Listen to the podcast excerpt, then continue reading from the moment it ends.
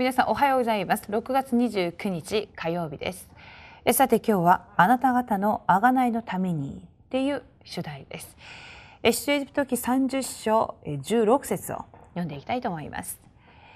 イスラエル人から贖いの銀を受け取ったならそれは会見の天幕のように当てる。これはあなた方自身の贖いのために主の前でイスラエル人のための記念となる。はい、今日皆さん皆さんの問題に対してどのような神様が御言葉を通して答えを与えてくださるんでしょうか？それが皆さんの現場で成就されるそのような答えに預かる一日になっていただきたいと思います。では読んでいきたいと思います。救いは信じる者に対して何の値なしで与えられた神様の御事賜物です。何にも値しないということは価値がないということでもなくお金で計算することのできない大きなものを意味します。神様は救いの条件を信仰に定めました。人の努力では神様に会えないためにキリストを使わすと約束されました。キリストだけがすべての呪いをあがなうことができます。イエス様のみが神様に会える道です。はい。今日はまたえこの救いに対してえ新たな神様の奥義を発見する一日になっていただきたいと思います。大きな一枚です。すべての民の人口調査。神様はイスラエルのすべての民の人口調査を命じられました。えどんな理由なのでしょうか。イスラエルの民が一つになることを望まれたのです。福音は霊的な科学であり霊的事実です。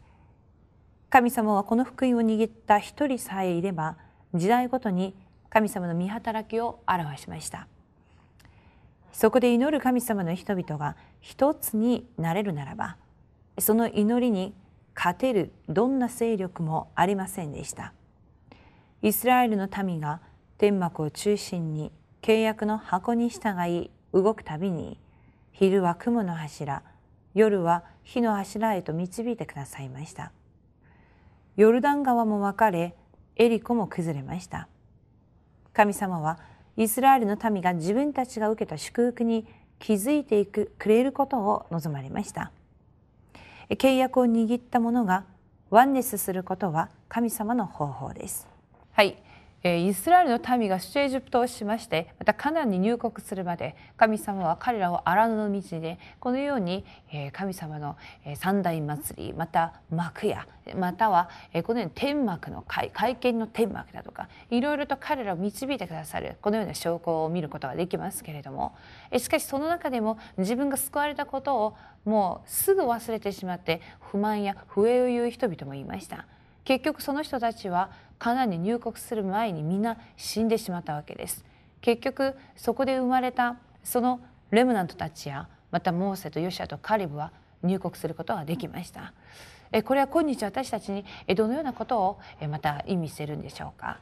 私たちは今日ご覧になっている通りに神様は救いの条件を信仰に定めたっていうことなんですけれども私たちが今 RUTC に向かって一つになってそしてこのタラッパの訓練を通して世界福音化をしていますけれども私たちがあえて本部の御言葉だとかタラッパの訓練だとかこれを受けていく理由は一人で生きる目的であるならばそのような訓練もまた受ける必要は全くありません。しかし世界を生かしていくこの66億全地域を生かしていくためにワンネスの力でなければその国々の暗闇世界の偶像と戦うことができません。私たちが言ってるこのワンネスっていうのは共にとかただ協力し合うそういう意味ではないってことは私たちもう十分分かっていますけれども契約にあって一つにそして神様はこの時代に命じられたその契約が何であるかを悟ってその中でただ譲ったりただ思いやりを持ってただ相手を理解するっていうそういう単純な意味ではなく契約の前にみんながガラテヤ書2章20節の答えを受けてそして主に向かっていくことだと思います。今 RUTC に向かいまして非常に重要なことがたくさん起こされていますけれども私たちがもう一度ワンネスについて今日黙想しながらそのらを妨げる部分また皆さん記録して祈りながら御言葉を通して答えを受けていただきたいと思います。はい大きな2番です。主への奉納物と贖い金。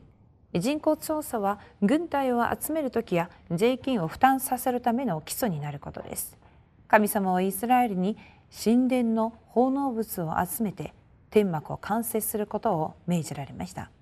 天幕は彼らが神様の導きを受け礼拝を捧げる生活の中心でした。民として数えられるすべての人は一人も欠かさず一つになることを命じられました。主への奉納物は神様に捧げる当然な献金です。また贖いの金を捧げ命の贖いのためだと言われました。罪の問題を解決する子羊のうちつまり福音を説明する記念碑を立て次世代に残すことが神様の身旨です。この奥義を悟ることが命をあがなう救いになります。信じる者に救いは望まれます。自分の経済と生活の中心が福音と通じることは重要な証拠です。この証拠を持った証人たちが子供た子供から大人まで皆が一つになる時神様の命の贖いの働きは継続されます。誰でも主の皆を呼ぶ者は救われます。神様に誠に捧げる献金は私たちの信仰の告白です。はい。イスラエルの民が荒野で本当に一つそのワンネスの祝福を味わっていくために神様はさまざまなまた神様の計画を成し遂げていくためにまたワンネスできるように導いてくださったというふうに思います。ワンネスの力は暗闇を打ち壊す力でありそしてまたワンネスしなければサタンの勢力に打ち勝つことはできませんしかもそのワンネスをしていくその内容も御言葉による契約によるワンネスそして私たちがヨハネ一章12節のようにイエス・キリストを信じて救われた。それも聖書に記録されたその御言葉を信じてその御言葉を受け入れて私たちは神様の子供になりました。そのように誰でもそのイエスの皆を呼び求める者は救われると言われたんですがそのキリストを信じる信仰によって救われたその私たちは神様の子供ですから神様が一番望まれることは救いの後はやはり私たちがワンネスをしてまだこの霊的に苦しんでいる人救われていない人たちをまた救っていくその救いの働きにあると思います。そのために21世紀を最高に生かしていくために今 RUTC その時代を迎えそのための住職者また住職者を通して一般信徒を救いそして一般信徒を通して今度はレムナントまたそのような教会の一人一人また一つ一つの機関にもワンネスの作業が行われております。なので皆さんが今日一日の中でワンネスっていう言葉先ほども一日黙想してみましょうということだったんですけれども自分自身の中にワンネスできなくさせるそのような要素をまた今日一つずつピックアップしましてその中で御言葉に対して答えを受けていただきたいと思います。RUTC まだまだ完成されていくためにいろんなステップを踏んでいかなくてはなりませんがその中で荒野の中で契約を味わえずに死んでいた人をモデルにするのではなくはっきりとカナンに入国してそして入国した後その征服していく過程がまさに皆様を受けていかなくてならない世界福音化の最高の祝福だと思います。今日の御言葉にあってぜひ皆さんも勝利していただきたいと思います。はい、今日のフォーラムの主題です。神様の恵み、救いの祝福、精霊の導きが今日の自分の生活を満たしてくれるように祈りましょう。はい、それでお祈りをして今日の一日、祈りの手帳を終わりにしたいと思います。神様感謝します。神様が私たちに救いを与えてくださいました。あまりにも価値のあるものでありますから世の中のどんなものにも値しない。そしてその価値を測ることの知れない大きなこの祝福であるということをまた悟ることができました。私たちが救われた理由そして救われた後に神様が私たちに望まれていること。そしてその望みを一つ一つ叶えていくために RUTC という大きな祝福を与えてくださいました。この RUTC はワンネスしなければ絶対に得ることのできない祝福です。私たちがまず今日神様とワンネスする祝福を味わいますように。契約にあって御言葉にあって神様に近づいていける一日になりますように。神様の計画を悟ることが神とのワンネスです。神様が一番望んでいるということが何であるかそれを自分の実生活の中で取り入れて実践していくことが神様とのワンネスの道だと思います。